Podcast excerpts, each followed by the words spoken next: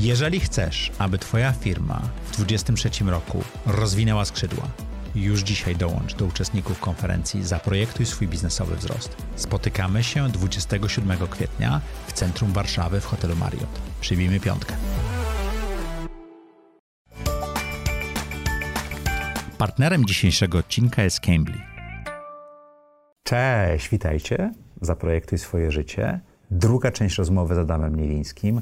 Udało nam się wejść w człowieka, który pracuje w funduszu VC, zrozumieć, co to są technologie, na które patrzy ten fundusz, porozmawiać o kosmosie, porozmawiać o sztucznej inteligencji, porozmawiać, jakie firmy w przyszłości będą kreowały naszą rzeczywistość. Nie mówimy o tej rzeczywistości konsumenckiej, bo to już się przyzwyczailiśmy, ale rzeczach, które zmienią zupełnie nasze patrzenie na świat. Bardzo ciekawa rozmowa. Na koniec udało się nagrać podsumowanie i 10 trudnych pytań zadałem. Jeżeli nie słuchaliście poprzedniego odcinka, tam warto zacząć, a ten, jeżeli inwestujecie albo prowadzicie firmy technologiczne, kopalnia wiedzy. Zapraszam Was bardzo serdecznie. Zaprojektuj swoje życie. Zapraszam Was do mojej autorskiej audycji Zaprojektuj swoje życie. Przedstawiam osoby, które podjęły nietuzinkowe wyzwania życiowe i biznesowe. Rozmawiamy o tym, co nas napędza i dokąd zmierzamy. Historie opowiadane przez moich gości zainspirują Was do świadomego i odważnego projektowania swojego życia.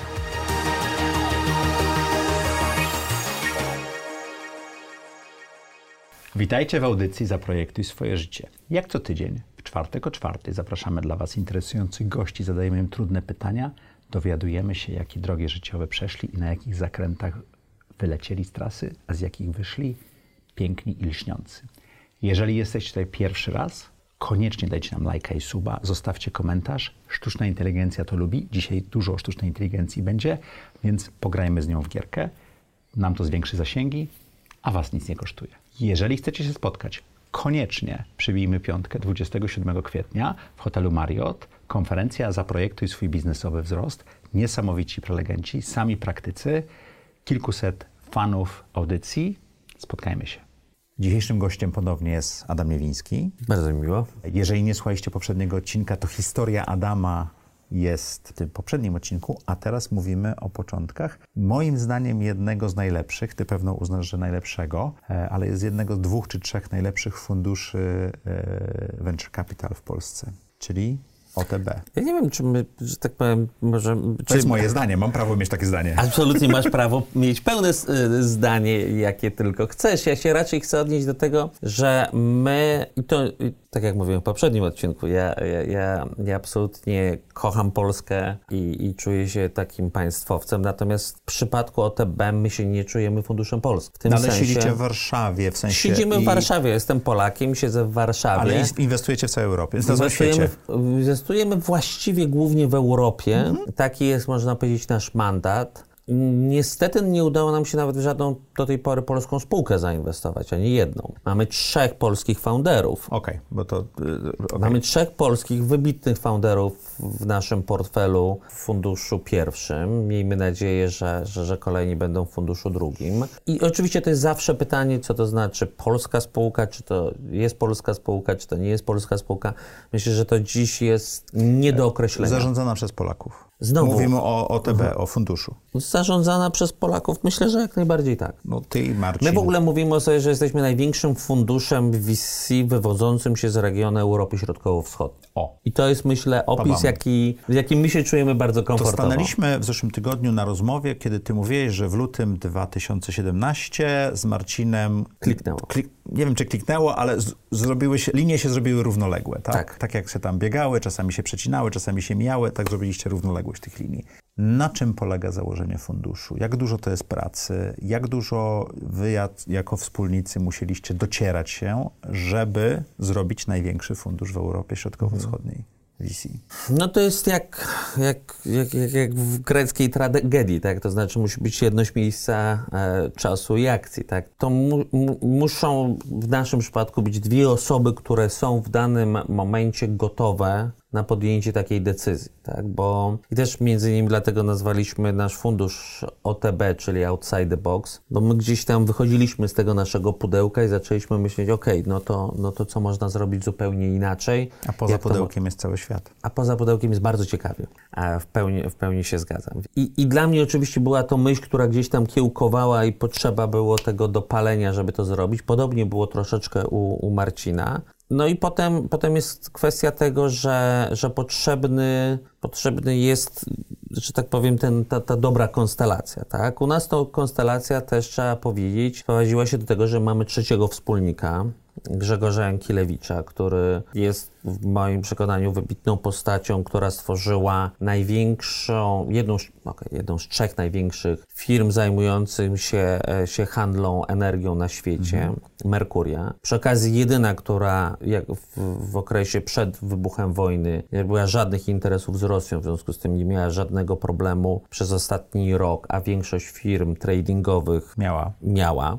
I to spore, bo, bo embargo, bo, bo banki wypowiadały akredytywy i różne inne rzeczy. W związku z tym to też nam, że tak powiem, od początku w jakiś sposób e, fajnie powodowało, bo byliśmy, byłem ja z Marcinem, którzy generalnie biegliśmy w tą w stronę, ok, to budujemy ten fundusz i widzieliśmy, że jest z nami też Grzegorz, który ma ogromny bagaż doświadczenia, ogromną kompetencję, ogromny network i Inny niż wy też. Nie? inny niż my i się zafascynował razem z nami tym, czym ten fundusz miał być. A miał być od początku funduszem, który inwestuje w. My to różnie nazywamy. Niektórzy to nazywają deep tech, my czasem to nazywamy real tech, bo, bo znowu to jest semantyka, tak? My mówimy, że inwestujemy w obszar najbardziej nowoczesnych technologii, technologii, które mają unikalne IP, czyli ten e, e, Wartość intelektualna. wartości elek- intelektualne, a jednocześnie jest to technologia, która jest e, disruptive, dys, przełomowa, disruptive. Disruptive to będzie chyba... Napiszcie w komentarzach, bo, bo, bo nie jestem pewien w tej chwili. Więc Ale zmieniająca świat. zmieniająca świat, tak, przełomowa, bardzo unikalna, a jednocześnie też się wszystko musi skalować globalnie, tak, no bo my bardzo wierzymy, że e, jeśli technologia jest naprawdę unikalna i dobra, to jest globalna, a jeżeli nie jest globalna, to prawdopodobnie nie jest aż tak unikalna i aż tak To dobra. słuchaj, zanim przejdziemy, bo ja będę Mhm. cię drillował z tego, w co inwestujecie, dlaczego inwestujecie i te wszystkie spółki opowiesz, które macie. Opowiem. Ale e, chcę dojść do tego, bo wy jako wspólnicy mieliście trzy różne zestawy doświadczeń, Mhm. trzy różne networki.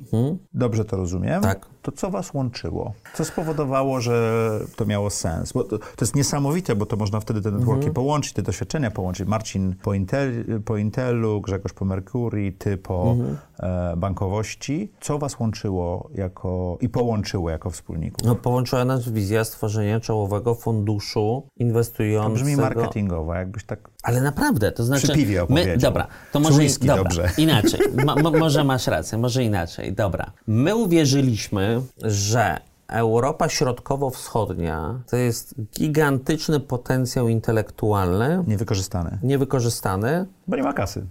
Nie tylko dlatego, a właściwie najważniejszy według mnie jest inny problem. To znaczy, poza wyjątkami typu Estonia, Czyli Skype i tak dalej. Dokładnie, gdzie, gdzie, gdzie, dokładnie, gdzie dzięki Skype'owi to w ogóle się inaczej rozwinęło, bo, bo, bo te wszystkie czakramy tam się otworzyły trochę wczep, y, wcześniej, a jednocześnie rynek jest minimalny, tak, 1,4 miliona osób, to znaczy jeżeli Więc od razu robisz produkt globalny. musisz robić globalny musisz konkurować Nie globalnie. masz e, pułapki rynku średniego, jaką masz w Polsce. Dokładnie tak. W ogóle w regionie dość mocno brakuje nam kompetencji komercyjnych, wiary w siebie, przebojowości. Inżynierskie mamy...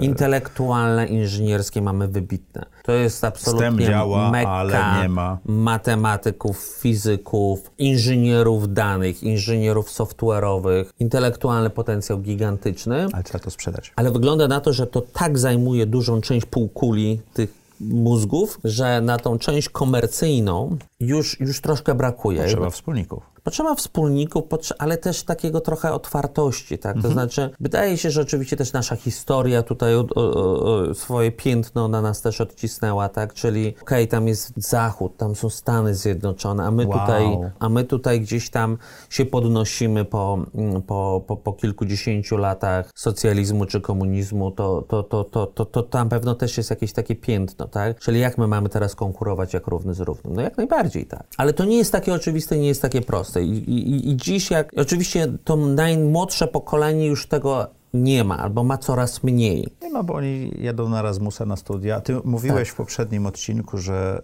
y, będąc w Grecji, wyjazd do Stanów to było takie wow i to, to było wow. Pójście na SGH, przepraszam, koniec lat 90., czy połowa lat 90., to było wow. A w tej chwili to SGH, Oxford, Cambridge, to nie jest, nie, nie jest trudna decyzja dla większości wie, osób. Więc to pokolenie poniżej 30 roku życia, mam wrażenie... Nie że... rozumie, co to znaczy mieć paszport w kieszeni. Dokładnie. I, i, i, i, i, i jak jak wyglądała transformacja systemowa, tak? Kupowanie piwa w kartonie w szczękach, tak? To, to, to, to, to jest w ogóle rzecz nie do, nie do opisania, nie do wyobrażenia. Wracając do Was jako wspólników, czy usiedliście i zastanawialiście się, jakie macie wartości jako spółka, jako Wy i napisaliście to sobie, czy to nie było konieczne, że to było naturalnie nie, to? Nie, nie, nie, nie, nie, nie było konieczne gdzieś tam jakiegoś takiego spisywania. To były raczej rozmowy na zasadzie, no dobra, no to, to gdzie, my, gdzie my widzimy to miejsce dla takiego funduszu, tak? Dlaczego ten fundusz ma szansę odnieść sukces, tak? Mhm. To znaczy, ok, to jest ten talent pool, trzeba będzie, e, trzeba będzie wyszukiwać tych najbar te najbardziej wybitne jednostki, tak? Te najbardziej utalentowane zespoły i pomagać im się skalować globalnie, tak? I od mhm. początku to, to było gdzieś tam nasza wizja. Mamy kontakty międzynarodowe i to zarówno, które mogą dać biznes, czyli klientów korporacyjnych. Mamy, mamy, e, znamy te fundusze, które mogą potem inwestować. Jesteśmy w stanie pomóc. Mamy rundy. dokładnie ten, ten, ten network, jesteśmy w stanie to dać tym ludziom. Mamy, mamy doświadczenie tak biznesowe. Mhm. Wiemy, jak się te startupy buduje, jak, gdzie no, są ty, pułapki. Ty kilka. Więc to też jest coś, czym się można powiedzieć. Więc mamy coś, co możemy przynieść tym ludziom jako nasz wkład poza wkładem pieniężnym, który ma szansę zwiększyć ich szanse na sukces, tak? No i dalej, no to trzeba po prostu pojeździć po tym regionie, powynajdywać te najlepsze zespoły, no i potem z nimi pracować, ale pracować na zasadzie takiej, że my jesteśmy inwestorem, no, no nie jest tylko, że prześle pieniądze i potem zapomni, tak? Z jednej strony my dążymy do tego, żeby mieć w kategorii VC znaczący udział, czyli 10 do 15%, tak? No bo to, to, to, to jest coś, co... Według mnie to jest taki złoty standard.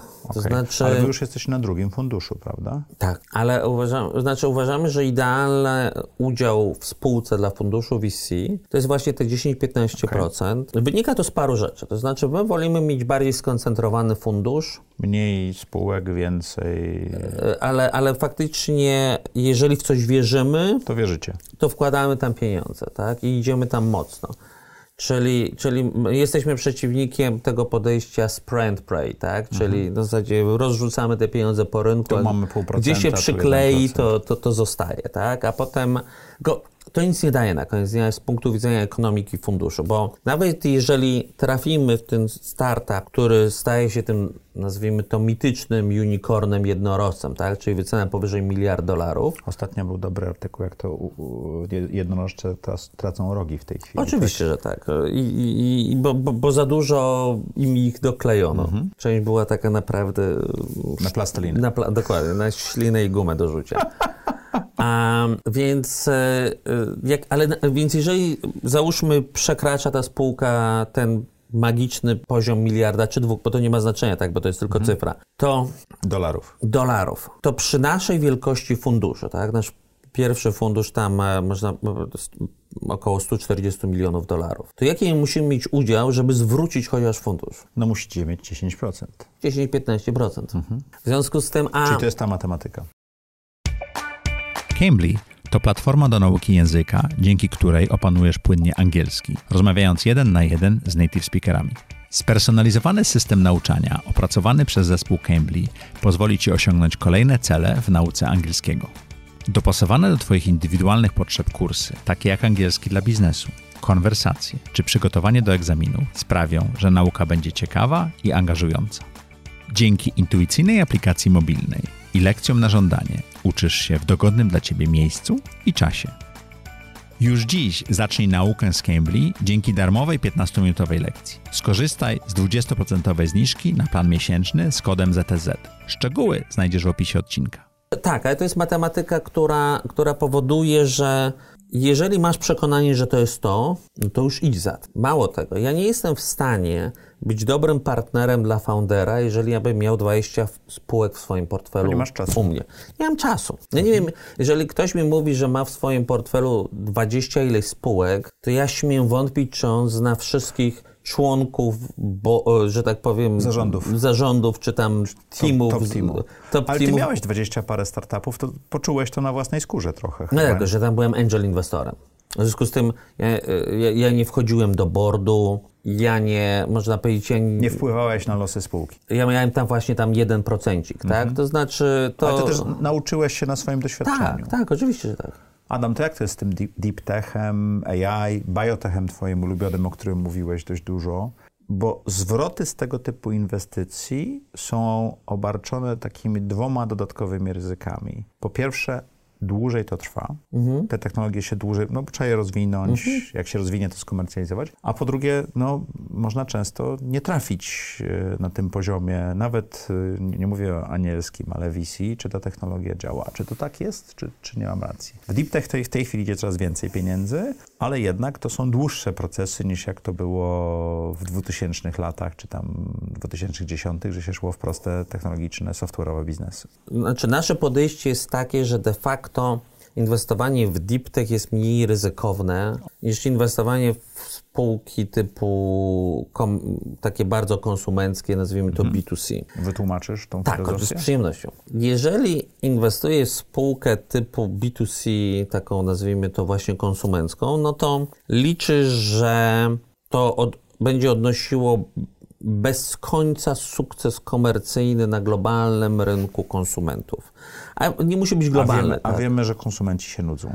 Konsumenci się nudzą, konkurencja jest ogromna i zazwyczaj na wczesnym etapie musisz obstawić, co będzie bardzo dużo później dalej I i trafić. że ta linia będzie szła tak I trafić. i trafić. W deep techu, czy, czy nazwijmy to real techu, bo znowu to, to, to, to, to ró- różnie możemy nazywać. Za bo nie- chwilę nazwiemy parę spółek, więc to się też ale chodzi o wyjaśni. to, że niektórzy mówią, że deep tech to jest tylko quantum computing, tak? Czyli, czyli, czyli A najbardziej... kos- kosmos? No ja uważam, że absolutnie to jest deep A tech. biotechnologia? Tym akurat się, tak jak powiedziałem, nie do końca zajmujemy, ale, ale to- ale oczywiście, to też że to jest- to też jest tech. deep tech, Oczywiście, tak? że tak. Znaczy, A wszystkie rzeczy związane Z AI-em oczywiście z, to jest deep tech. e, sztuczną inteligencją, Oczywiście, czy tak. też e, z wirtualną, czy też e, augmented, jak jest po polsku, rozszerzoną tak. e, rzeczywistością, tak? Więc, więc tylko mi chodzi o to, żeby, żebyśmy dobrze zrozumieli, że to jest kwestia semantyki i potem Okej. do, doprecyzowania, co kto rozumie, tak? Więc, e, więc my uważamy, że,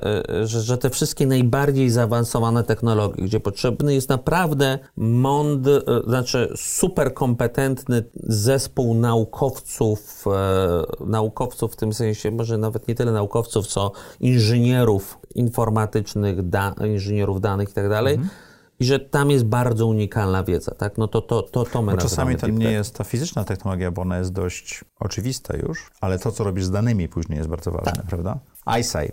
Jesteście w kosmosie, Mhm. jesteście w kosmosie, widzicie przez chmury. Ta technologia jest wykorzystywana komercyjnie, teraz już nawet nie tylko. Mhm. Na czym, polega, na, na czym polega deep tech w technologiach kosmicznych? Bo oglądamy, wiesz, artykuły jakieś tam, ktoś pójdzie, ro, będzie robił, y, wiesz, wydobycie na pasie meteorytów i tak dalej. To jest jeszcze daleko, ale jest dużo technologii kosmicznych już w tej chwili. Na czym to polega? Jest to, jest to, wydaje nam się, jedna z najciekawszych i najbardziej perspektywicznych branż. W sobie zarówno ma super nowoczesne, unikalne rozwiązania hardware'owe, połączone z bardzo zaawansowanymi rozwiązaniami software'owymi i to dopiero razem powoduje, że to faktycznie chodzi i działa. To, co się stało przez ostatnie lata w branży space techowej, to nas, nastąpił diametralny spadek kosztów na każdym etapie tej branży. Satelity są mniejsze, łatwiej je wynieść, tak? Tak, e, s, y, koszt wyniesienia spadł o 90%. W ciągu ostatnich paru lat, bo to jest właściwie taka, e, Krzywa. jak, prawie, że jak prawo mura, tak? To Tak. znaczy to, to, to, No, Starlink w tej chwili to przecież tych satelitów jest kilkadziesiąt wystrzeliwanych naraz, tak? Tak, tak. Tam, tam to, to już idzie w tysiące Mhm. w, w powietrzu, znaczy w kosmosie. Także, wi- więc nastąpił skokowy spadek kosztu tych technologii. W związku z tym to, to zaczęło być bardziej komercyjne, zaczęło być bardziej dostępne, a jednocześnie powstają właśnie prywatne, e, e, ła- łatwiej jest to finansować tym samym. Budujemy lepsze czółna. Pod, pod każdym względem. To znaczy, y, widzimy dzisiaj, że spółki prywatne właściwie zaczęły dominować tą branżę, tak? Czyli. Czy kiedyś to, były, pieniądze. kiedyś to była doktryna, tak, ale kiedyś to była doktryna przedsiębiorstw państwowych i państw, które to finansowały. I to było, tych państw było mniej niż palców u jednej ręki. Tak. A dziś to są prywatne spółki, gromadzą najbardziej wybitnych mm, inżynierów, naukowców i robią technologie, które się nie śniły jeszcze 10 lat temu. Wspomniany przez Ciebie ISA. Jak powstał ISA? Tak? To znaczy dwóch wybitnych ludzi, Rafał Modrzewski i Peka, na uniwersytecie dowiedzieli się od swojego profesora, że nie da się zrobić mikrosatelity sarowego. Czyli mikrosatelity, który będzie w stanie czytać radarem powierzchnię Ziemi. Tak? To jest to, co powiedzieliśmy. Do tej pory większość satelitów, które nie wiem, wszyscy znają, to są optyczne satelity. Czy tak? jak są Czyli- chmury, to nic nie widzą. tak, no ale potrafią zobaczyć super precyzyjnie nawet godzinę na zegarku. Mają piękne zdjęcia, tak, tak jakby iPhone'em ktoś robił z góry. No ale jak są chmury, czy jak jest noc, nie widzą nic, tak? Technologia radarowa jest taka, że się wysyła sygnał radaru, on, On się się odbija odbija. od Ziemi i wraca, tak? Czyli trzeba dużą energię wysłać, a potem jeszcze to bardzo ładnie szczytać. W związku z tym do tej pory wszyscy sobie wyobrażali, że to musi być ogromna satelita, żeby wyemitować tyle energii i jeszcze to potem szczytać, zebrać i, i, i wysłać na Ziemi do przetworzenia. No więc profesorem powiedział, że to jest niemożliwe do zrobienia. Dwóch chłopaków, Rafał Niemożliwe jest złym słowem.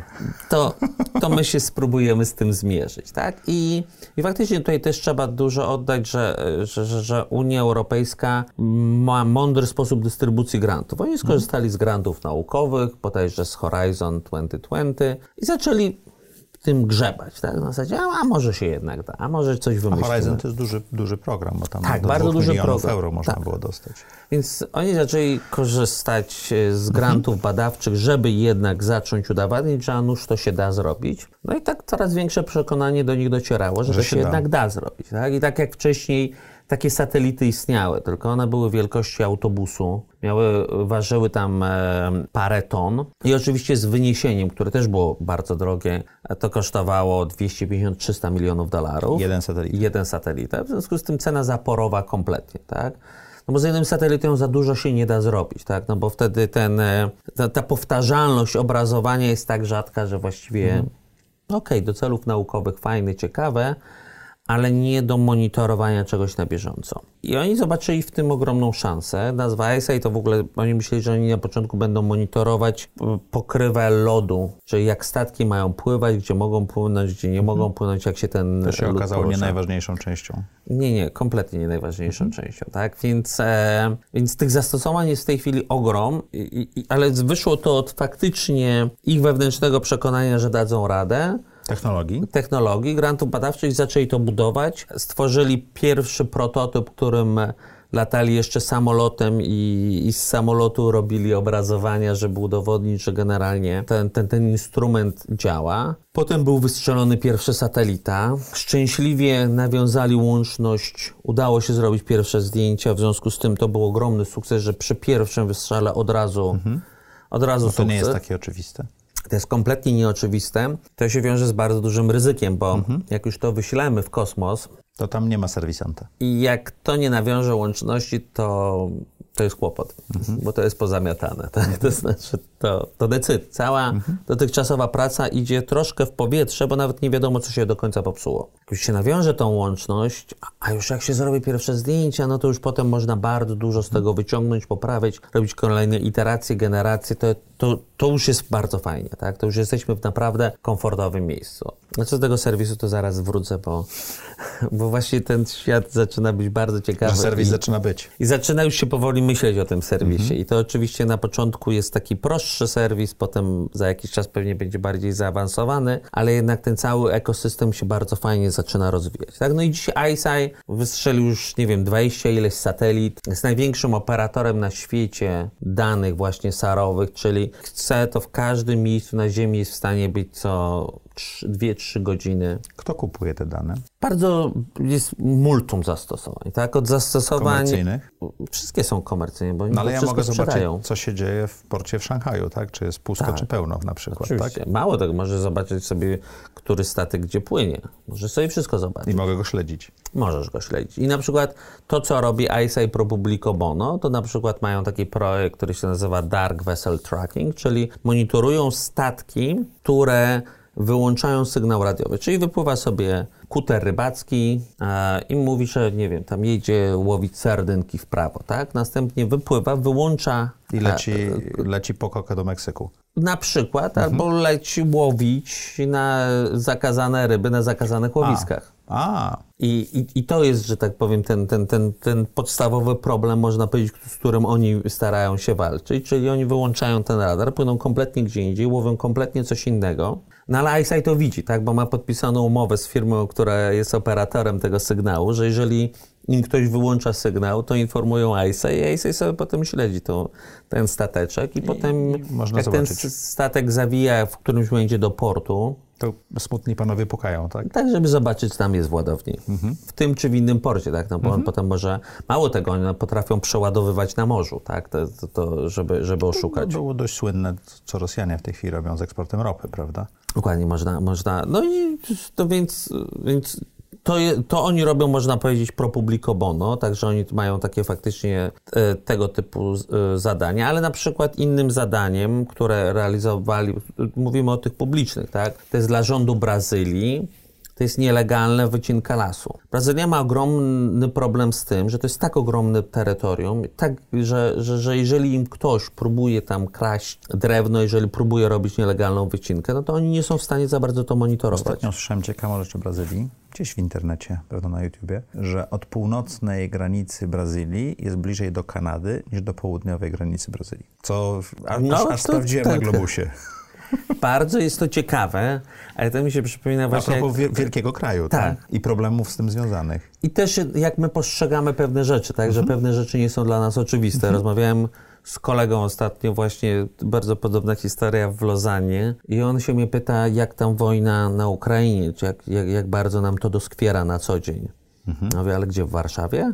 Mówi, no tak, no bo przecież no, no, no, no, To jest zaraz obok. to jest zaraz obok. Ja mówię, wiesz co, tak na oko, to do linii frontu mamy tyle, co ty do Madrytu. I to było dla niego, ale jak to? To Jak jeszcze pracowałem w Dalu, to miałem szefa w Kopenhadze i było dla niego odkryciem, że odległość lotu między Kopenhagą a Warszawą jest taka sama jak między Kopenhagą a Sztokholmem.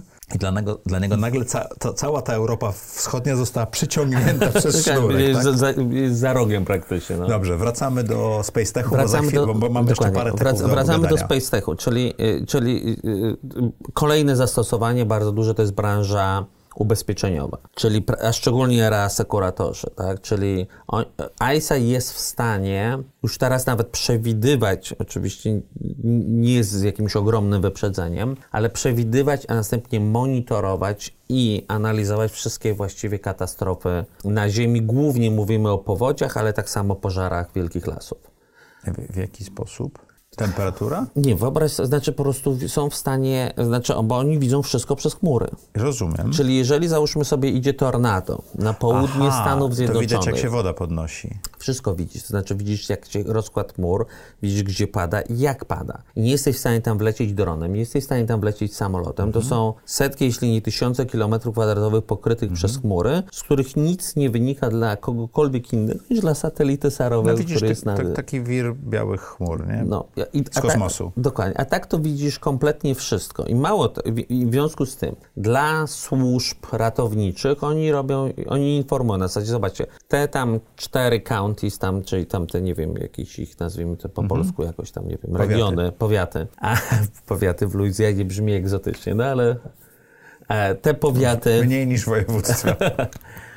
E, są najbardziej zagrożone. Stamtąd musicie ewakuować ludzi i wysłać wszystkie ekipy ratunkowe, a resztę sobie możecie kompletnie odpuścić. Tak? Czego, to znaczy, nie, czego, czego, kiedyś nie było. Czego kiedyś kompletnie nie po, było. Post factum się dowiadywaliśmy. Tak, i to już zazwyczaj było za późno. Tak? Dla firm ubezpieczeniowych oni są w stanie na bieżąco śledzić i mało tego, bo to jest obraz w 3D, w związku z tym jesteś w stanie nawet powiedzieć, jaki był poziom zalania wody. W związku z tym oni są w stanie robić dokładne mapy te budynki zostały zalane tam 5 centymetrów, te pół metra, a te 2 metry, tak? Bo to jest fundamentalna różnica dla szkód. W związku z tym oni pracują w tej chwili bardzo intensywnie dla branży ubezpieczeniowej.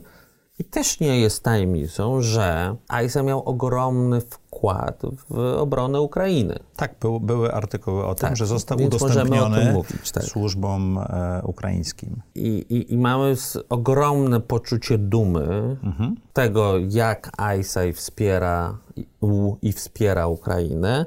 I łącznie z tym, że w momencie, kiedy tylko Ukraina miała dostępne środki ze zbiórki na Litwie, które mogły, mogła Ukraina wydatkować de facto na najbardziej potrzebny sprzęt, no to najbardziej potrzebną rzeczą jedną, którą wskazała. No dostęp do satelitów. Dostęp do, do, do, do, do, do, danych sarowych, tak, od mhm. ISA'a. Oczywiście ISA to zrobił po kompletnie, nazwijmy to, za pół darmo, mhm. ale to pozwala Ukrainie na bieżąco widzieć, co się dzieje. I to jest ogromne w tej Macie chwili coś jeszcze w kosmosie? No mamy spa, znaczy y, pytanie w kosmosie. No część spółek... Space Techu. W Space Techu, tak? No bo, bo część spółek jeszcze nie jest w kosmosie. Dokładnie. Część spółek załóż, y, potrafi analizować dane kosmiczne mhm. i, i w tym sensie nigdy nie będzie w kosmosie, że to... I nie ma takiej potrzeby. Nie ma takiej potrzeby, tak? Bo to są algorytmy zaawansowane technologiczne w sztucznej inteligencji, które przetwarzają te dane e, z kosmosu na dane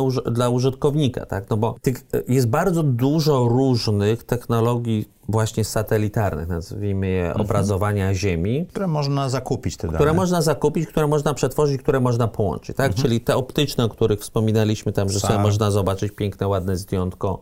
Mhm. Ale tak samo można analizować na przykład poprzez y, czujniki infraredowe, czyli e, temperatury. temperatury. I zastosowanie tego jest znowu bardzo ciekawe. A i można te dane nałożyć. Można te dane nałożyć i to robią te właśnie te firmy analityczne, bo każda firma, która się specjalizuje, robi to dla siebie, a są jeszcze firmy, które to starają się integrować i nakładać. Ale na przykład taka ciekawa rzecz a propos właśnie danych z infraredu, czyli, czyli, czyli tych term, termicznych. Okazuje się, że to ma fundamentalne znaczenie dla zrozumienia nawadniania pól i zbiorów, czyli jeżeli mamy, oczywiście no to potrzebne większe areały, tak, czyli nie tam gdzieś tam poletko przed domem, ale jak sobie pomyślimy o, nie wiem, dużych polach, nie wiem, kukurydzy w Stanach Zjednoczonych, czy jakichś plantacjach kawy, to to już zaczyna zupełnie inaczej wyglądać. I teraz, co, co, co jest właściwie oczywistego, ale dopiero jak ktoś mi to powiedział, przynajmniej dla mnie, to, to mhm. uznałem, że to faktycznie brzmi logicznie. Okazuje się, że to jest krytyczny jest poziom nawodnienia, czyli jeżeli za dużo nawodnisz pole, to nie tylko tracisz wodę, energię i pieniądze, to plony potrafią być do 30% mniejsze. Mhm. Ale potem jak sobie pomyślałem, jak ja bym to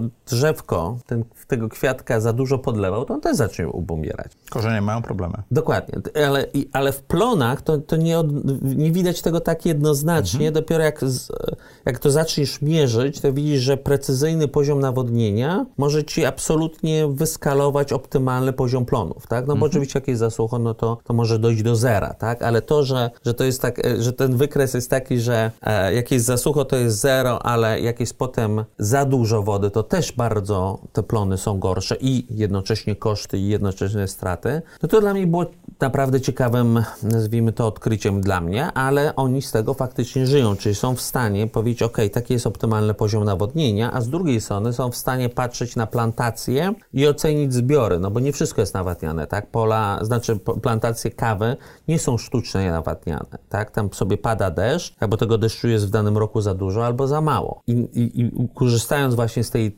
technologii e, infraredowej, termalnej, jesteś w stanie powiedzieć, ok, czyli te plony kawy będą w, z tego obszaru w tym roku większe, czy mniejsze. I wtedy wiesz, jak, jak będzie się rynek commodity zachowywał. Dokładnie. Wiesz, jak się kontraktować, wiesz, wiesz generalnie, jak, jak, jak to może mieć wpływ na ceny, wiesz generalnie, jak to jest w różnych regionach, mhm. także... Czyli a, informacja jest siłą. Ogromną. I je, mało tego, to, co dla mnie jest najbardziej ciekawe i być może nawet najważniejsze czy najbardziej fascynujące w tym wszystkim, że jesteśmy w stanie dużo lepiej pomóc Ziemi, naszej planecie z kosmosu, że jesteśmy w stanie to zrobić stąd tutaj, bo dopiero stamtąd, z kosmosu, widzisz tak naprawdę, co się tutaj dzieje i jak masz te makro wpływy się przekładają na to, co się dzieje u nas na planecie, tak? Mhm. Czyli, czy właśnie, nie wiem, Einstein może sobie oglądać, jak lodowce topnieją i się zastanawiać, jak to, jak może walczyć z nielegalnym połowem, z wycinką nielegalną lasu. Hydrosat, który ma te termiczne rzeczy, na przykład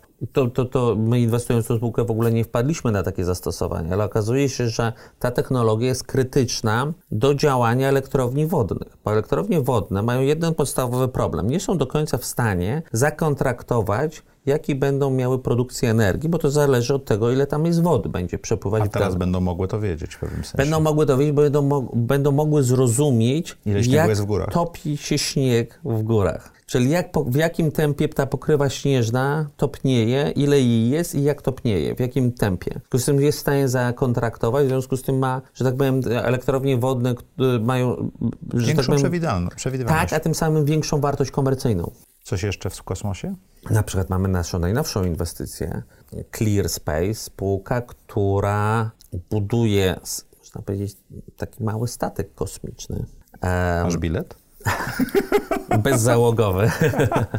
Czy można to nazwać satelitą, można to nazwać pewnie bardziej takim właśnie małym statkiem kosmicznym, tak? Szczególnie, że nie aż takie małe, to będzie jakieś 700-800 kilo ważyć. Generalnie to jest... takie dwa maluchy, nie? Tak? Nie, nie wiem. Przepraszam, nie wiemy ile. Pozdrawiamy dużego w maluchu, nie wiem ile Nie wiem ile maluch. Ale co ten statek ma Ale zrobić? Jest to, e, e, będzie, będzie to, tak, bo to, to dopiero spółka to buduje, e, właśnie taki stateczek, nazwijmy to kosmiczny, który będzie miał możliwość e, dołączania się albo łapania innych obiektów w kosmosie. Tak? Czyli Mówimy to jest, o tym serwisie teraz. Dokładnie, tak? czyli in space servicing to jest ten kompletnie kolejny etap. Ale łapania i co dalej? Bardzo właśnie różne rzeczy można z tym zrobić. Czyli po pierwsze można zbierać śmieci i je deorbitować, czyli ściągać do, do atmosfery, żeby, żeby się spaliły. To jest bardzo duży problem i to jest też ich pierwszy kontrakt z ESA, European Space Agency. No bo to jest niebezpieczeństwo dla stacji kosmicznych, dla, dla wszystkich. Dla załogowych i niezałogowych tak. również. Tak? Tego, tego tych śmieci już jest bardzo dużo tak, i oczywiście te śmieci są malutkie mała, i duże. Ta, ta, mała śrubka, która leci, ją będzie pewno cięż, ciężej znaleźć i deorbitować. Ona leci z prędkością wielokrotnie wyższą niż wystrzelony pocisk. Oczywiście, że tak. I ona przebije wszystko, co jest po drodze. Mhm. A więc ta śrubka, już jest, to, to, to na, na, na, śrubki się monitoruje i się omija, tak? Tam, mhm. tam kawałek farby zaczyna już być problemem, bo mhm. właśnie ze względu na prędkość. Ale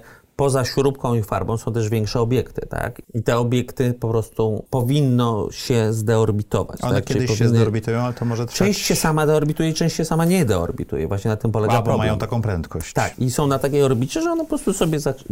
biegną dookoła i, mhm. i, nie wytracają tej prędkości, tak? mhm. tak? Bo muszą wytracić, żeby spaść. Więc, e, więc oczywiście w tej chwili jest już, już cały świat idzie w kierunku wprowadzenia regulacji, że każdy, kto tym strzela, patrz, Starlink, bierze odpowiedzialność za to potem. To znaczy, jeżeli to nie działa jeżeli... To musi zapłacić za... To musi, za, to musi zdearbitować, tak? No Bo... Tak jak my płacimy za wywóz śmieci. Dokładnie tak. I normalnie to e, założenie jest takie, że, że te satelity mają swoje silniczki i powinny się same zepchnąć na koniec życia Pod warunkiem, że nawiążesz z nimi łączność i wszystko działa. To jest dokładnie. To są te dwie rzeczy. Po pierwsze, czasem nie nawiążesz, a czasem te silniczki ci nawalą, tak? mhm. tak? I wtedy musi przyjechać taka kosmiczna śmieciarka i to zdeorbitować. Co jeszcze dla was was jest deep techem?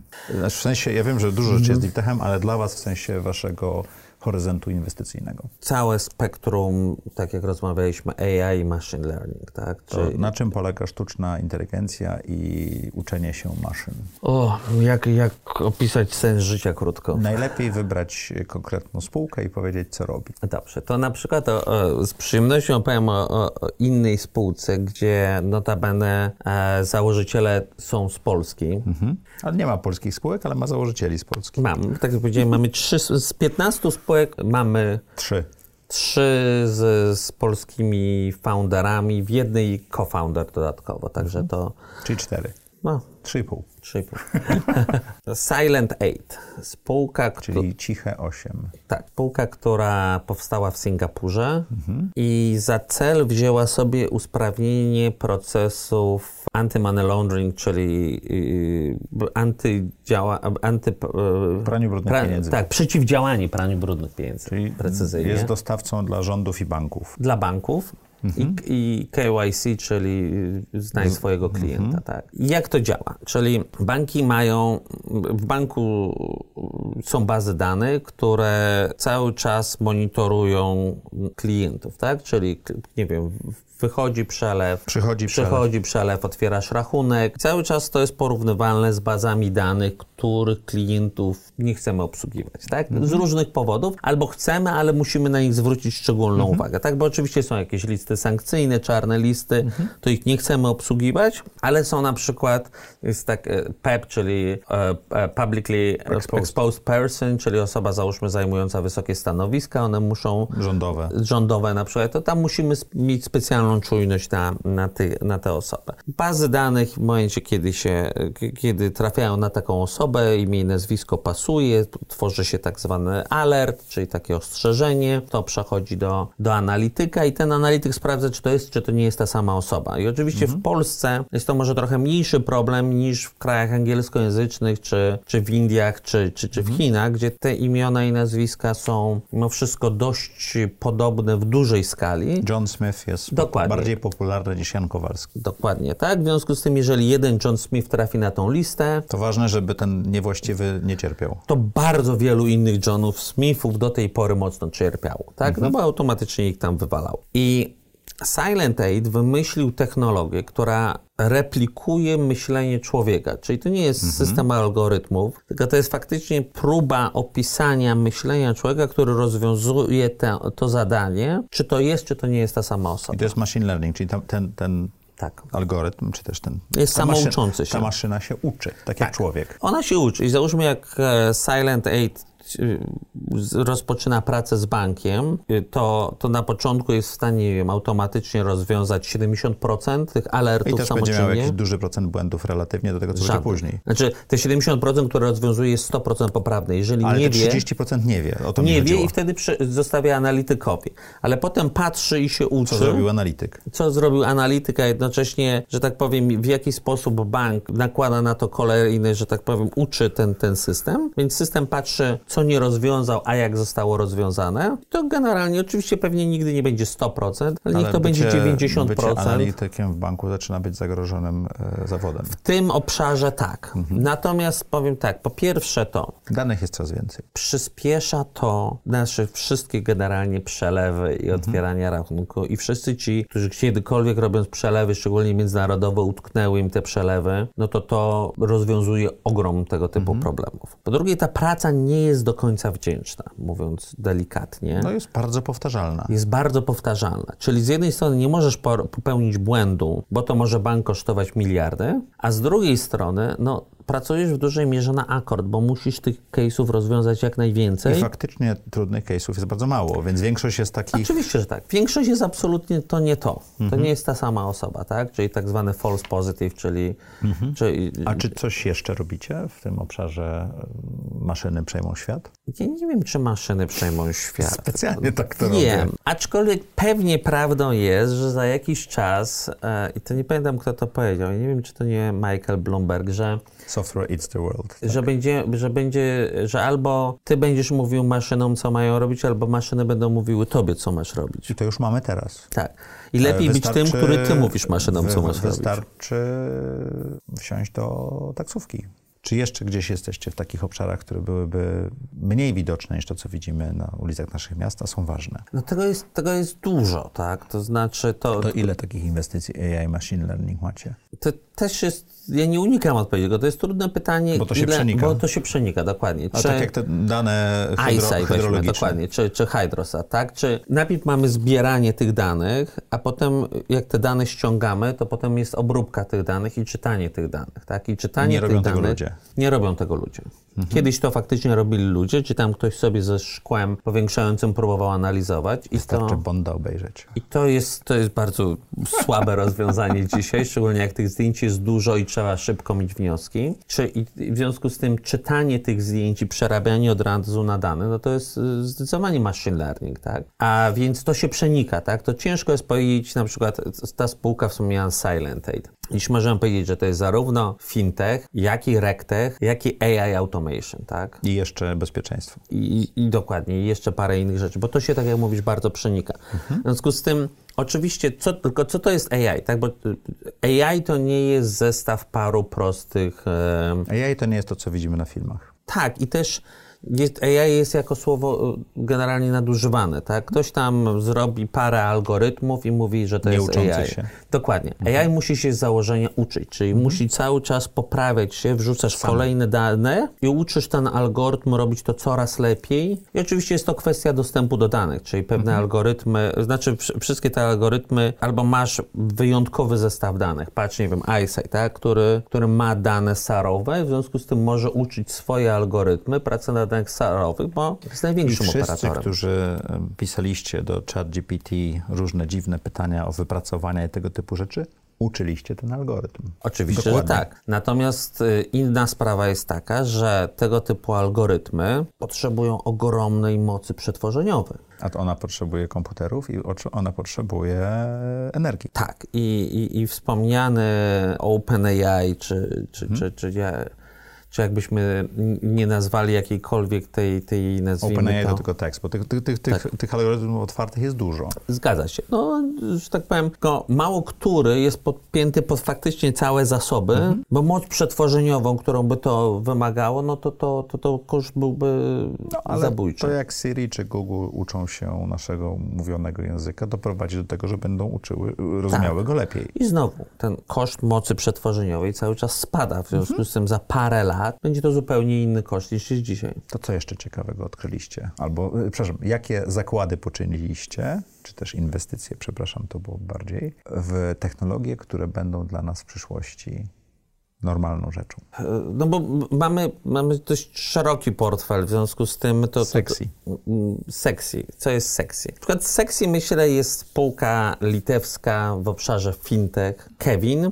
która pozwala na płacenie bezpośrednio z rachunku bankowego w zwykłym posie w, w restauracji czy, czy w sklepie Bez karty. bez karty. I w związku z tym, co to daje? To daje parę fundamentalnych różnic. Po pierwsze, no, klient może tego nie czuje, a dla posiadacza tego posu, dla, dla, dla sklepu jest to niewspółmiernie taniej, bo to idziemy w, w, w punkty tam bipsy, a po drugie jest dużo bezpieczniej, Bo?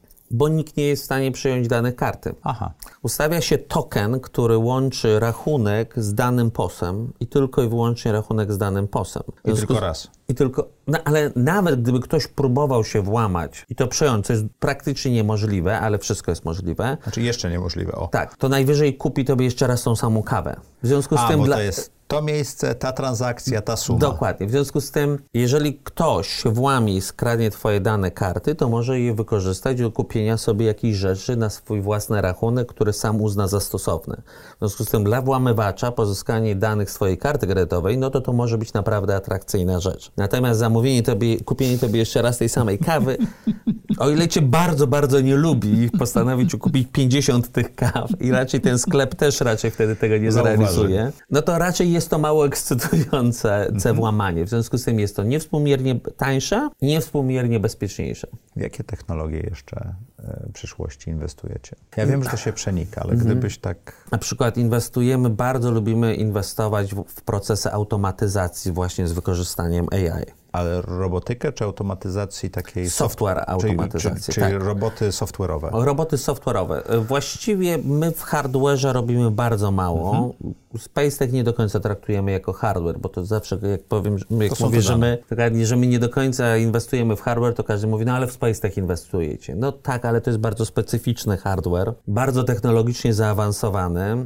bardzo trudny do przejęcia i bardzo zintegrowany również właśnie z softwarem i z technologią, która te dane przetwarza. To tak? porozmawiamy, porozmawiamy o tych miękkich robotach, czyli software'owych. Software'owe, software'owej automatyzacja, tak. To jest, to jest super ciekawe, bo znowu, tu są, tu są różne zastosowania tej automatyzacji, tak? No, swoją drogą wspomniany wcześniej Silent i to też jest automatyzacja, ale też możesz bardzo ład, fajny sposób analizować wszystkie procesy w, w spółce, tak? Czyli spółka jedną, któ- jedna, którą już sprzedaliśmy do Microsoftu w zeszłym roku, zresztą notabene taki dość udany, czy tam bardzo udany exit, bo, bo pozwolił nam zwrócić połowę funduszu do naszych inwestorów. O, i to był szybki exit. Mie- Mieliśmy dwa exity do tej pory. Bubble Labs, czyli technologia oczyszczania dźwięku, to, to, to sprzedaliśmy w 2021 wrzesień do Cisco i w kwietniu zeszłego roku sprzedaliśmy właśnie Miny do Microsoftu. I łącznie właśnie zwróciliśmy tam już ponad połowę funduszu do naszych inwestorów. Szybko tak, no w miarę szybko, bo jeżeli fundusz trakcie okresu inwestycyjnego już robi dwa exity, to to, to, to, to jest fajnie, tak? To Fundusz, który inwestorzy są deep tech, zadowoleni. który trwa dłużej. Tak, ale właśnie o, to dobrze, że do tego wróciłeś. Deep Tech ma tą przewagę właśnie nad technologiami konsumenckimi jeszcze, że możesz na bardzo różnych etapach sprzedać spółkę i z niej wyjść, tak? Bo, bo masz tak zwane te 3T jako forma wyjścia z inwestycji z angielskiego, ale zaraz to sobie przetłumaczymy, tak? Czyli masz pierwszy, najbardziej podstawowa, można powiedzieć, etap tworzenia firmy, a jednocześnie najtańsze wyjście z inwestycji, to jest jeżeli sprzedajesz zespół, czyli team, tak? Masz, wy, udało ci się zbudować wybitny ktoś duży chce ten team. dokładnie, inżynierski i jakaś duża spółka mówi, kurczę, to są super Projekt niekoniecznie, ludzie tak. Dokładnie. Ewentualnie rozgrzebali ten projekt, nie mają pieniędzy, żeby go, go dokończyć. My wiemy, co z tym dalej zrobić. Chcemy mieć ten team. Budowanie takiego teamu nie jest wcale takie proste, zajmuje Ani dużo tanie. czasu, Ani ani, tanie. tanie. To my generalnie zrobimy tak zwane acqui-hire, czyli, czyli łykniemy sobie ten, ten zespół. I to jest to, to, ten team, tak? Drugi etap to jest ten team zazwyczaj powinien rozwinąć unikalną technologię, tak? I możesz mieć zespół, który ma super technologię, ale jeszcze wcale się ta technologia jakoś tam przesadnie nie sprzedaje, nie skaluje. Czyli komercjalizacji jeszcze nie ma. Dokładnie, bo załóżmy team jest mocno technologiczny i o tej komercjalizacji aż tak bardzo nie myśli. Ale wtedy duży gracz rozumie, jak to skomercjalizować. Dokładnie. I wtedy, potrafi. I wtedy duży gracz Patrz sobie Cisco na i to patrzy i myśli sobie, dobra, to jak ja to podłączę do mojej maszyny sprzedażowej, no to, to będzie dobrze. Tak? W związku z tym my się w ogóle nie martwimy o tą komercjalizację. Tłumacząc to bardzo prosto, to to, co się stało z Teamsami vis-a-vis Slack. Tak? Jak tylko Microsoft postanowił e, uruchomić Teams jako główną rzecz, to nagle stał się liderem. Tak? Absolutnie. U, upraszczam. I, i u, u Mi- Microsoftu to są ko- przykład za przykładem, Mhm. gdzie oni faktycznie kupili fajną technologię, podłączyli Do do, swojej maszyny i poszło, tak? Mhm. I, i, I tak, i, że tak powiem, ten, ten, ten pierwszy exit na poziomie tego, nazwijmy to te team, no to wiadomo, że to nie są bardzo duże pieniądze, ale czasem pozwoli zwrócić samą inwestycję, tak? Jak dobrze pójdzie. Jak jest unikalna, wyjątkowa technologia, no to to już mogą być naprawdę fajne kwoty idące w setki milionów To już dolarów jest fundmaker. to, to, to, to już może być naprawdę fajny exit, tak? Znowu, to, to nie są jeszcze te, te home runy, to znaczy to jeszcze nie jest to, co, co najfajniej e, wygląda, ale jeżeli to jest unikalna absolutnie technologia i jakiś duży gracz, żeby ją wszystko jest kopiowane, tak? Czyli, czyli nie wiem, jeżeli pomyślimy sobie o Microsoft, o Google, czy, czy kimś tej ligi, to wiadomo, że oni są w stanie teoretycznie wszystko zreplikować, tak? Tylko to jest zazwyczaj oczywiście kwestia pieniędzy, a, ale dla nich najważniejsza kwestia czasu. Bo jak wiemy, pewnych rzeczy, spółkę, dokładnie, czas. pewnych rzeczy nie przeskoczysz. Nawet jeżeli rzucisz strasznie dużo zasobów, to to i tak musi chwilę zająć, tak? Czyli czy to Te, wiadomo, sa, że... te samo jeżdżące samochody muszą przejechać miliony czy miliardy mil, żeby się nauczyć, jak jeździć, tak? Dokładnie, Ten bo te algorytmy trzeba wyćwiczyć, tak? Bo to trzeba zbudować, sprawdzić, przetestować, zbudować, sprawdzić. Przetestować w związku z tym ten time to market, czyli jak szybko jesteś w stanie być na rynku, jest czasem kluczowe i jesteś gotowy za to zapłacić duże pieniądze. I to są często setki milionów dolarów na, na, na taką technologię. I oczywiście potem jest ten, to, ten, ten, ten święty graal, tak? Czyli mamy zespół, mamy technologię i mamy trzecie T, czyli traction, czyli ta spółka nam już rośnie, sprzedaje, pozyskuje kolejnych klientów, no i to wtedy już jest takie, no to, to jest wtedy to, co wszystkim najbardziej zależy.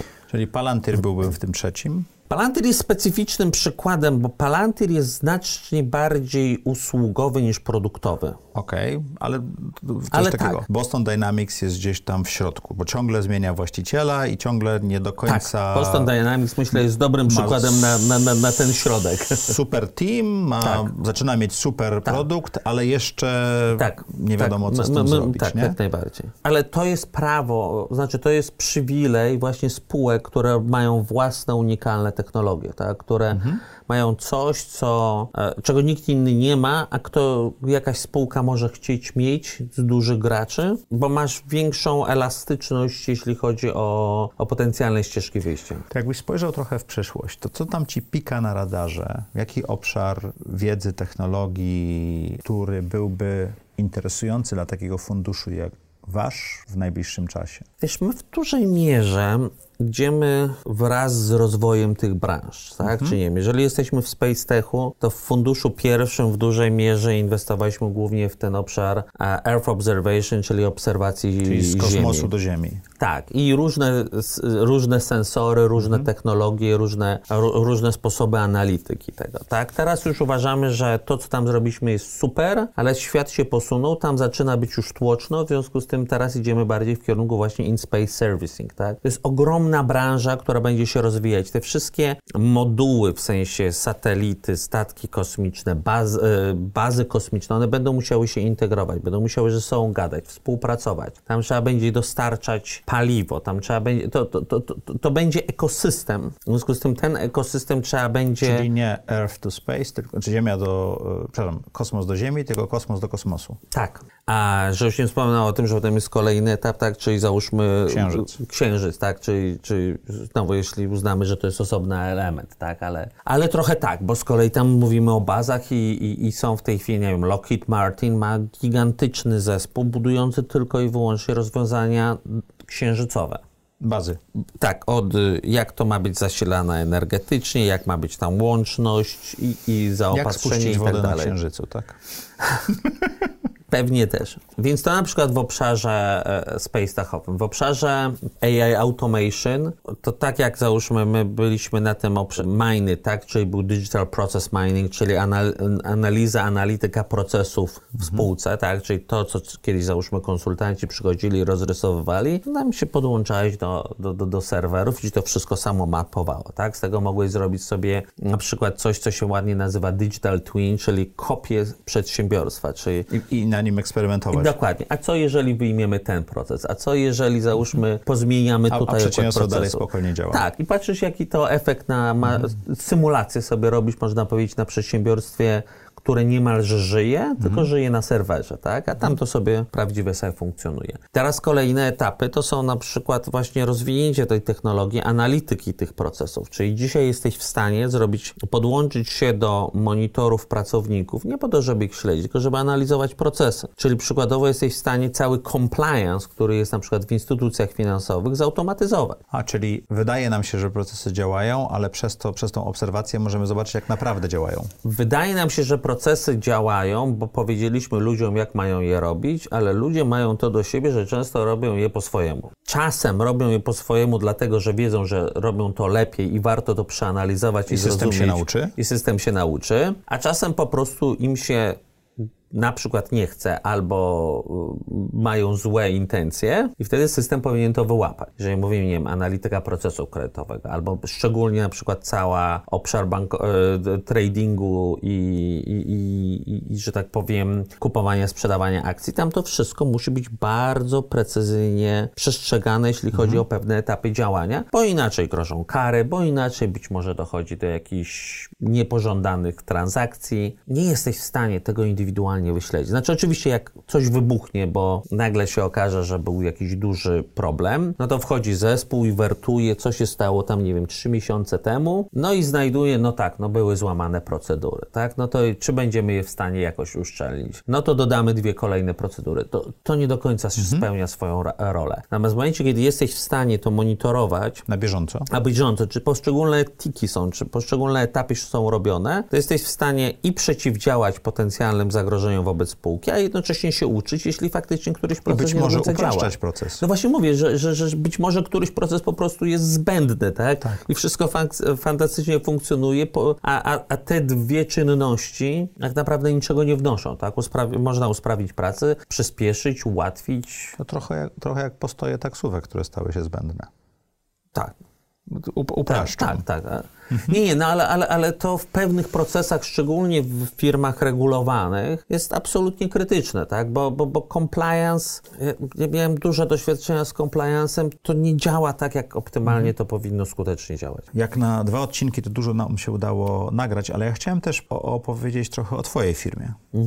Czyli OTB Ventures. Zabraliście drugi fundusz. Powiedziałeś, że pierwszy to było 100 milionów. y, Nie pamiętam czego. 140 dolarów. 140 milionów dolarów. Zabraliście niedawno drugi fundusz. Na jakiej sumie udało wam się go zebrać? Zrobiliśmy pierwsze zamknięcie, czyli tak zwany first close w listopadzie zeszłego roku na podobnej kwocie, czyli tam też około 140 Ale to znaczy, że milionów będzie drugie euro. zamknięcie? Euro. Euro. Czyli trochę więcej. Tak, to, To zależy od W momentu. listopadzie było praktycznie to samo. Tak. W tej chwili już jest trochę więcej. Tak, jeszcze będziemy robili kolejne. Czyli to będzie te- większy drugie zamknięcie. Będzie, w związku z tym on będzie większy.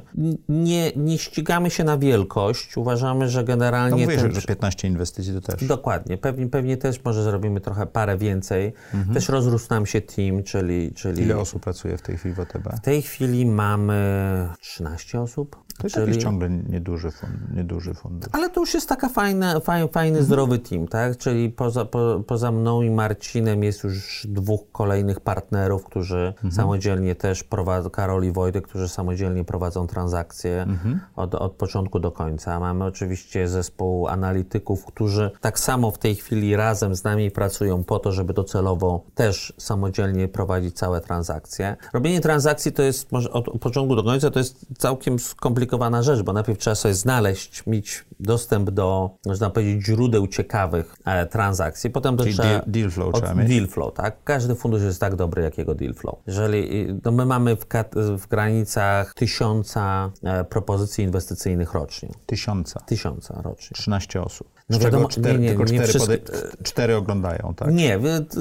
Analitycy 6? No, sześć może ogląda. No, z- ty- ci bardziej senior też oglądają, tak? Ponadto częścią zespołu jest tak samo zespół, który nas wspiera odnośnie finansów, operacji, Compliance. e, dokładnie compliance, także, także to też to, to, to, to jest, nazwijmy to, strategiczna część zespołu, tak? No bo oni powodują, że to w ogóle cały ten mechanizm chodzi. W związku z tym, ale, ale no nie ma się co ukrywać, tak? No nie w każdą transakcję wchodzimy równie głęboko, tak, tak? oczywiście, bo czasami od razu wie, że nie. Dokładnie, bo mamy też nasz pewien specyficzny, nazwijmy to smak po polsku, tak? czyli preferencje. Są spółki, nie wiem, e-commerce'owe, w które my nie inwestujemy. To nie znaczy, że one są złe, po prostu nie, nie są czymś, co nas Ja interesuje. nie inwestuję w hardware na przykład w My ogóle, też ani w usługi, przesadnie. bo pracowałem w hardware'ze, zainwestowałem w usługi, dziękuję.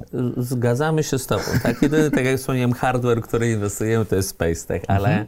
nie inwestujemy w hardware, nie inwestujemy w usługi. To mogą być fantastyczne biznesy, jak wiesz, tak? Ale, Ale to nie jest wasza... ale to nie jest nasza, nie, Nie nasza smaka. kompetencja, nie mamy na to e, apetytu Mhm. i, i w związku z tym od razu jesteśmy w stanie to odrzucić na etapie prezentacji. To nie dla nas, być może dla kogokolwiek innego będzie fantastycznym, fantastyczną inwestycją. W związku z tym, no, dużo tego oglądamy, tak? Dużo mamy tych spotkań, ale, ale to jest, to Ilu jest najbardziej inwestorów? fascynujące.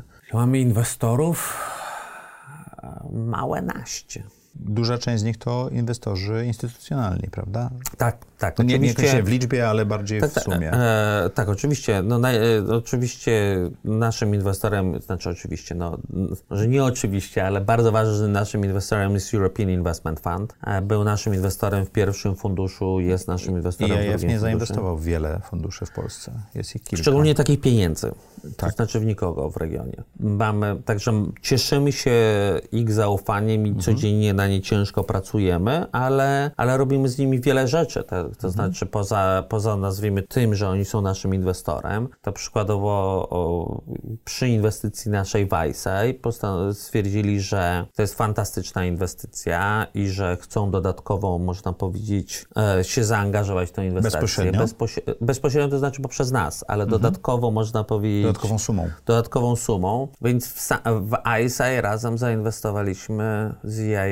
I, i można powiedzieć ich zasobami, ich partnerami 50 milionów dolarów. Także to pokazuje też, że mając ich zaufanie, jesteśmy w stanie być fajnym partnerem dla spółek, bo to już nie są tylko to, co nasz ma fundusz, bo my z naszego funduszu nie bylibyśmy w stanie zainwestować 50 milionów To dolarów. byłoby to była jedna trzecia funduszu, tak? Dokładnie. Nawet to, więcej. To by nie miało sensu z punktu widzenia dywersyfikacji, ale jesteśmy w stanie uruchomić pieniądze IAF-u, żeby nazwijmy to dodatkowo dopalić pieniądze dla spółki, która się pięknie rozwija i którą, w którą, którą warto jest To inwestować. jest je- jedna z cech deep techu, tak? czy też y, takich technologii przyszłości, że te inwestycje są dużo większe i dużo więcej pieniędzy potrzeba, bo te zespoły są duże, są y, nietanie, czas rozwoju tego, tej technologii też jest. Czas faktycznie tam rozwoju jest dłuższy, tak? To, to nie jest tak, że ktoś wymyśli fajny komunikator czy jakąś apkę i nagle i cały działa. świat używa tą apkę i tak jak nie wiem, Każdy z tam nas chciałby zrobić Whatsappa.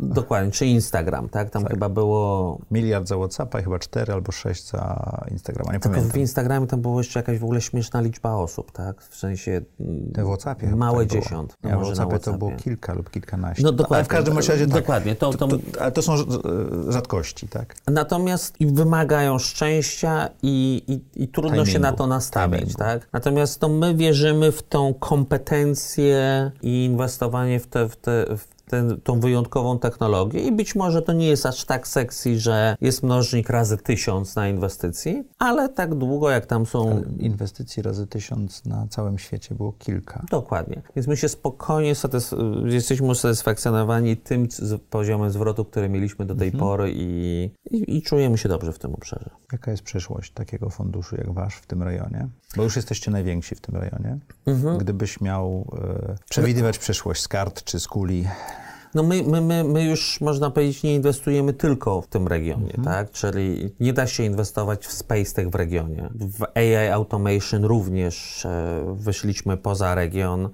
Inwestycje, które, które, które w Funduszu 2.0 robimy, no to pierwsza była w Belgii, Teraz zrobiliśmy druga, nazwijmy to Lozanna slash Luksemburg, trzecia Rumunia i czwarta wygląda na to, że to będą Niemcy. A, ale to ciągle jest Europa w większości. tak, tak, tak. My, my jesteśmy skoncentrowani na. Europie. To, jest- to, to jest nasza kompetencja, bo Kompetencja czy wyceny? kompetencja przede wszystkim. Okej. Wyceny pewnie też, ale, ale my y, mamy dostęp do deal flowu z Europy najlepszego, to znaczy nie mamy jakiegoś fantastycznego dostępu do deal flowu, nie wiem, z Doliny Krzemowej czy z Chin Czy z Indonezji? Tak? czy z Indonezji, tak? A jednocześnie prawdopodobieństwo, że trafią do nas najlepsze transakcje, najlepsze z Doliny Krzemowej czy z Chin, jest nijakie, Niskie. bardzo niskie. Natomiast w Europie, szczególnie w tym obszarze Space Tech, AI Automation, trafia dziś do nas właściwie większość tego, co się rusza. W związku z tym mamy przegląd tego, mamy lepsze zrozumienie. Widzimy, ci, ci inwestorzy sami, znaczy te spółki same do nas przychodzą. Czyli fokus jest ważny. Jest Nawet bardzo jak jest ważny. tysiąc firm, to, to skupienie celem osiągnięcia sukcesu jest e, wszechmocne. Tak, i to działa w dwie strony. To znaczy, i founderzy, załóżmy w obszarze AI Automation, przyjdą do nas, bo umiemy już to robić. Widzieliśmy ileś takich spółek, ileś mamy w portfelu. Oczywiście patrzymy na to, żeby one nie były konkurencyjne, to jest bardzo ważne, ale mamy już te kompetencje, mamy te zrozumienie. Jak siadamy z founderem, to roz, rozmawiamy z nim tym samym językiem, tak? To znaczy on, y, czy ona rozumie, co my mówimy i, i wzajemnie. Druga rzecz. W związku z tym to, znaczy, po, pierwsze jeszcze kończąc, to, to usprawnia relacje, usprawnia komunikację. Ten founder czy ta founderka wie, że nie będzie gdzieś tam dysonansu, że na radzie, na bordzie będziemy rozmawiać o tym samym, a jednocześnie, że będziemy w stanie wnieść jakąś, jakieś doświadczenie, wnieść kompetencje, wnieść to, jak ta spółka będzie mogła się dalej rozwijać, tak? A dla nas jednocześnie łatwiej jest to ocenić, tak? My możemy poprosić y, founderów ze spółek, które mamy w portfelu, albo już nawet wyszliśmy, poprosić o obiektywną ocenę danej spółki, żeby oni porozmawiali, żeby zrobili nam techniczne due diligence, czyli żeby sprawdzili na zasadzie, jak, jak, jak ta spółka w ich ocenie wygląda. I w ten sposób, no, my mamy dodatkową wiedzę i kompetencję, która, która przemawia za lepszym wyborem tych spółek, a founder czy founderka ma partnera, który już to zna i rozumie, tak? W związku z tym chętniej zgłoszą się do nas i porozmawiają z nami, niż z kimś, kto do tej pory robił hardware i e-commerce, tak? No bo mhm. będą rozmawiać kompletnie innym językiem, tak? Mhm. I, I oczywiście jak trzeba, to pewnie i tak to zrobią, ale to nie jest wtedy pierwszy wybór, a ważne jest, żeby w głowie foundera być jednak tego dobrego foundera, czy tej dobrej founderki, że tak powiem, na tam top 2-3 fundusze. Ale to troszeczkę obszarze. tak jest z funduszami, że najlepsze fundusze przyciągają najlepsze startupy i najlepsze startupy chcą być z najlepszymi funduszami. Tak i i to jest taka, ta kula się robi coraz większa, tak? Im, Im, większe sukcesy odnosi fundusz, tym łatwiej mu jest przyciągnąć y, najlepsze projekty. Oczywiście, że tak. Czyli ponadto też to, że my mamy pewną, nazwijmy to już taką pożądaną skalę, to daje też komfort dla takiego foundera, bo on wie, że my nie tylko, czy ona wie, że my nie tylko jesteśmy w stanie sfinansować tą rundę, ale i następną rundę. Mhm. I oczywiście idealnym świecie kolejną rundę powinien prowadzić inny fundusz, tak? Czyli przyjść z obiektywnym spojrzeniem zewnętrznym i wyceną. A wy jest... się możecie dołożyć. Dokładnie. I my się, a my się, że tak powiem, będziemy dokładać, jeżeli ta spółka fajnie wygląda, bo to daje też dodatkowy komfort nowemu inwestorowi, mhm. jeżeli aktualni inwestorzy chętnie dokładają. Ale czasem rynek jest trudny i być może w tym roku na przykład będzie taki rynek trudny. I my wiemy, że to jest fantastyczna spółka, że chcemy, żeby się rozwijała. Byłeś w takiej spółce, musiałeś sprzedawać. Tak. I ważne, żeby ten inwestor powiedział, no dobra, no to okej, okay, no nie dostaniecie dużo wyższej wyceny. Ale pociągniemy Ale pociągniemy lata. dalej, zrobimy mhm. wam round extension, czyli załóżmy przeciągnięcie tej rundy, albo zrobimy nową rundę tam trochę trochę wyżej, bo wierzymy w Was, bo wiemy, że robicie dobrą robotę i że to jest kwestia rynku, który w tej chwili się zamknął, ale mamy zasoby, żeby jednak pociągnąć to dalej. W związku z tym to jest też bardzo ważna rzecz, tak? To znaczy mieć tą możliwość pociągnięcia danej I to dalej jest spółki. wielkość funduszu, która robi różnicę. Tak, bo my, szczególnie, że my na pierwsze inwestycje w pierwszym funduszu wydaliśmy jedną trzecią funduszu. Dwie trzecie poszło na follow-ony, czyli dokładanie mhm. do najlepszych spółek mhm. dalej i dalej, wspomniany eyesight. Tak? Nie do wszystkich spółek, tylko do najlepszych. Oczywiście, że tak. To znaczy, mhm. no no nie można dokładać, to znaczy jeżeli widzimy, że to nie działa, że to nie idzie, tak, że, że, że załóżmy komunikacja jest bardzo zła z founderem, no to, no to, no to, to nie ma sensu, tak, mhm. nie wolno dorzucać pieniędzy, bo to nie są do końca nasze pieniądze, tam też są nasze pieniądze. Oczywiście tam razem, e, znaczy zespół fundusz, zespół w sensie fund manager, czyli zespół zarządzający tak samo jest zaangażowany mhm. finansowo w fundusz i to bardzo. Przede wszystkim odpowiadamy za pieniądze pieniądze innych osób, mhm. tak? W związku z tym nie mamy prawa w coś, w co nie do końca wierzymy, przekazywać tam dalszych środków. Adam, chciałbym e, nasz wywiad rzekę, który jest w dwóch mhm. odcinkach, zamknąć taką klamrą. E, mniej o funduszu, bardziej o tobie i projektowaniu życia. I na koniec każdej rozmowy mamy takich 10 pytań, które zadajemy wszystkim naszym gościom. Adam właśnie zrobił wielkie oczy. Nawet mamy taki hashtag trudne pytania. Jesteś gotowy? No, spróbuję. Dobrze. Czy możesz opisać najlepszą decyzję, jaką podjąłeś w życiu? Założenie razem z, z Marcinem i Grzegorzem Funduszu OTB. Okej, okay. o tym było. Co daje Ci najwięcej energii czy satysfakcji w życiu? Wydaje mi się, że, że dziś bardzo dużo energii na pewno daje mi rodzina, czyli weekend z rodziną to, to, to jest zastrzyk energii, mhm. do którego coraz bardziej tęsknię i, i, bardzo ciężko jest mi wyrwać, znaczy, żeby mi wyjechać dzisiaj do pracy w weekend, mogę, mogę przez pięć dni w tygodniu być poza domem, ale ten weekend z rodziną to, to, to jest ogromny zastrzyk energii. Satysfakcji, ja, ja dużo czerpię satysfakcji z pracy, myślę, i, okay. i, praca daje mi satysfakcję. Energia i satysfakcja u Ciebie są trochę w różnych miejscach, to ciekawe. Nie wiem, być może tak. Nie, okay. nie zastanawiam się, powiem szczerze, nad tym. Dobrze. Złapałeś mnie ciekawy materiał do przemyśleń. Czy możesz opisać swój typowy dzień? Mój typowy dzień? Czy masz typowy dzień? Mam typowy dzień w biurze i na wyjeździe, tak? Bo, bo, bo, bo ta praca charakteryzuje się bardzo dużą ilością Podróży. podróży. O której wstajesz? Kiedy zaczynasz pracę? Co robisz rano?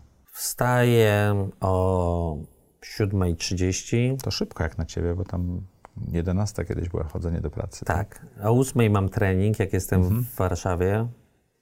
Do 9. Szybki prysznic, jadę do, do pracy. Zazwyczaj jakiś jest typu 10 rano poranny call, bo wtedy jeszcze się ładnie można zaczepić z Azją. Czyli u nich nie jest za późno, u nas już jest dobrze, także 10, 11. Pewnie, pewnie trochę potem trzeba maili podpisywać. To, to, to na maile odpisuję właściwie 24 godziny na dobę, bo one są nie do przerobienia. Im więcej odpisujesz, tym więcej przychodzi. Oni, on, one są cały czas, to znaczy każda wolna chwila, em, zawsze można trochę tego, tego, tego odpisać i przez dwie czy trzy godziny bez komórki jestem przerażony, ile tam nowych maili wpadło, na które muszę Nasi zareagować. goście muszą wyłączać komórki na nagranie. Pewnie koło 13 jest lunch jakiś, e, albo, albo z kimś, albo szybko zjedzony przy biurku, przeglądając załóżmy w tym czasie Odpisując na kolejny mail. Albo przeglądając, co się dzieje tam nie, na niektóre, nie wiem, jakieś newslettery, jakieś Mhm. e, informacje ze świata, nie wiem, tam Business Insider przejrzeć, Mhm. jakieś The Information i tam parę innych serwisów wiadomości. Potem pewnie parę albo spotkań fizycznych, które mimo wszystko robię najbardziej, albo Zoomów, czy to z founderami, czy to z, y, z portfela, czy to z spotkania, załóżmy, z potencjalnymi spółkami, które gdzieś tam rozważamy inwestycje, choć coraz rzadziej to się, że tak powiem, dzieje w biurze w tym wypadku, bo jednak albo to jest na Zoomie, albo się trzeba przejechać, tak? Natomiast co do zasady, ja nie uznaję inwestowania bez spotkania fizycznego, tak? To znaczy to To, to, to jest to, to doświadczenie z banku. Czy byłeś w domu, czy byłeś w firmie, tak? Znaczy, tak, to, to znaczy, jeżeli nie spotkam się z kimś, nie spojrzę w oczy, nie mam przynajmniej no, pół godziny, 45 minut e, rozmowy, to, to, to ja nie wiem, czy tam jest ta chemia, czy nie. O której kończysz pracę? 20, 21. Idziesz do domu i idziesz spać, czy coś jeszcze robisz? Nie no, zakładam, że jeszcze spędzę trochę czasu w domu, to, to, to, to, to spać chodzę tak koło 24. Czy jest coś, co mógłbyś przestać teraz robić, co by poprawiło twoje samopoczucie albo spowodowało twój rozwój? Myślę, że jestem za bardzo przespawany do tej komórki i pewnie jakbym znalazł jakiś sposób, e, żeby właśnie mniej cały czas być w tym kołowrotku mailowym, to mogłoby mi dać trochę być może więcej dystansu. Jaką masz supermoc? Chyba mam dużo optymizmu. Potwierdzam. Adam jest bardzo optymistycznym człowiekiem i rzeczywiście tak jest. Trzy rzeczy, które chciałbyś robić za trzy lata to? Dalej być w OTB i inwestować w tech. Co chciałbym robić za 3 lata? To samo, co robię. Uwielbiam taką odpowiedź. Nie, no co ja poradzę? Nie, nie, naprawdę ją uwielbiam. Uważam, że osoby spełnione bardzo często mają taką odpowiedź. To tam nic dodać, nic ująć, nie? Za trzy Tak. lata. Czego nauczyły cię ostatnie trzy lata i te wszystkie zmiany i kryzysy, przez które musieliśmy przejść? I przechodzimy. Biznesowo to na pewno mnie to utwierdziło w przekonaniu, że kontakt fizyczny jest super ważny. I Zoom jest świetny na podtrzymywanie relacji, ale nie na budowanie i u- utwardzanie ich. Udało mi się też pewnie bardziej zacząć dbać o, o, o samego siebie, jeśli chodzi, można powiedzieć, o, o fizyczną stronę, to znaczy ćwiczyć i, i chyba gdyby nie pandemia, to ja nie wiem, czy bym wszedł w ten rytm. Jednak kompletne, że tak powiem, Wywrócenie kalendarza. wywrócenie kalendarza spowodowało taki impuls, żeby to zrobić i, i, i możliwość gdzieś tam w mojej głowie, żeby to zrobić, tak? No bo to oczywiście A można zawsze była, tak? Tak, tak. Że, u, uświadomienie sobie, że tak, że, że to jest ten moment i że się da. Książka która? Pewnie w ostatnim czasie mogę wymienić dwie, które udało mi się w styczniu przeczytać, co, co jest jak na mnie, powiem szczerze, dobrym rezultatem.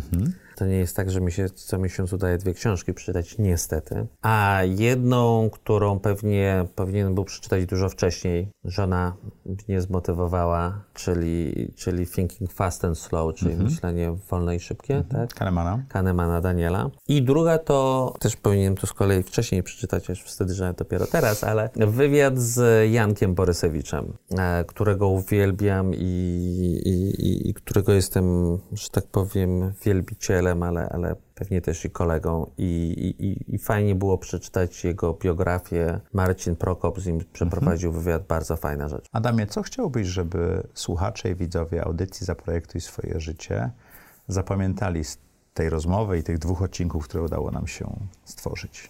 Że trzeba podążać za swoją pasją i że jeżeli się ją odkryje, to niezależnie co się dzieje, co się robi w danym momencie, jeżeli to nie jest to trzeba zmienić i, i robić to, co się kocha. Hmm, krótko i na temat. Dziękuję Ci ślicznie. Dzięki. Dziękuję Wam i jak co czwartek o czwartej zapraszam Was do audycji Zaprojektuj swoje życie, a w poniedziałki na nasze serie eksperckie.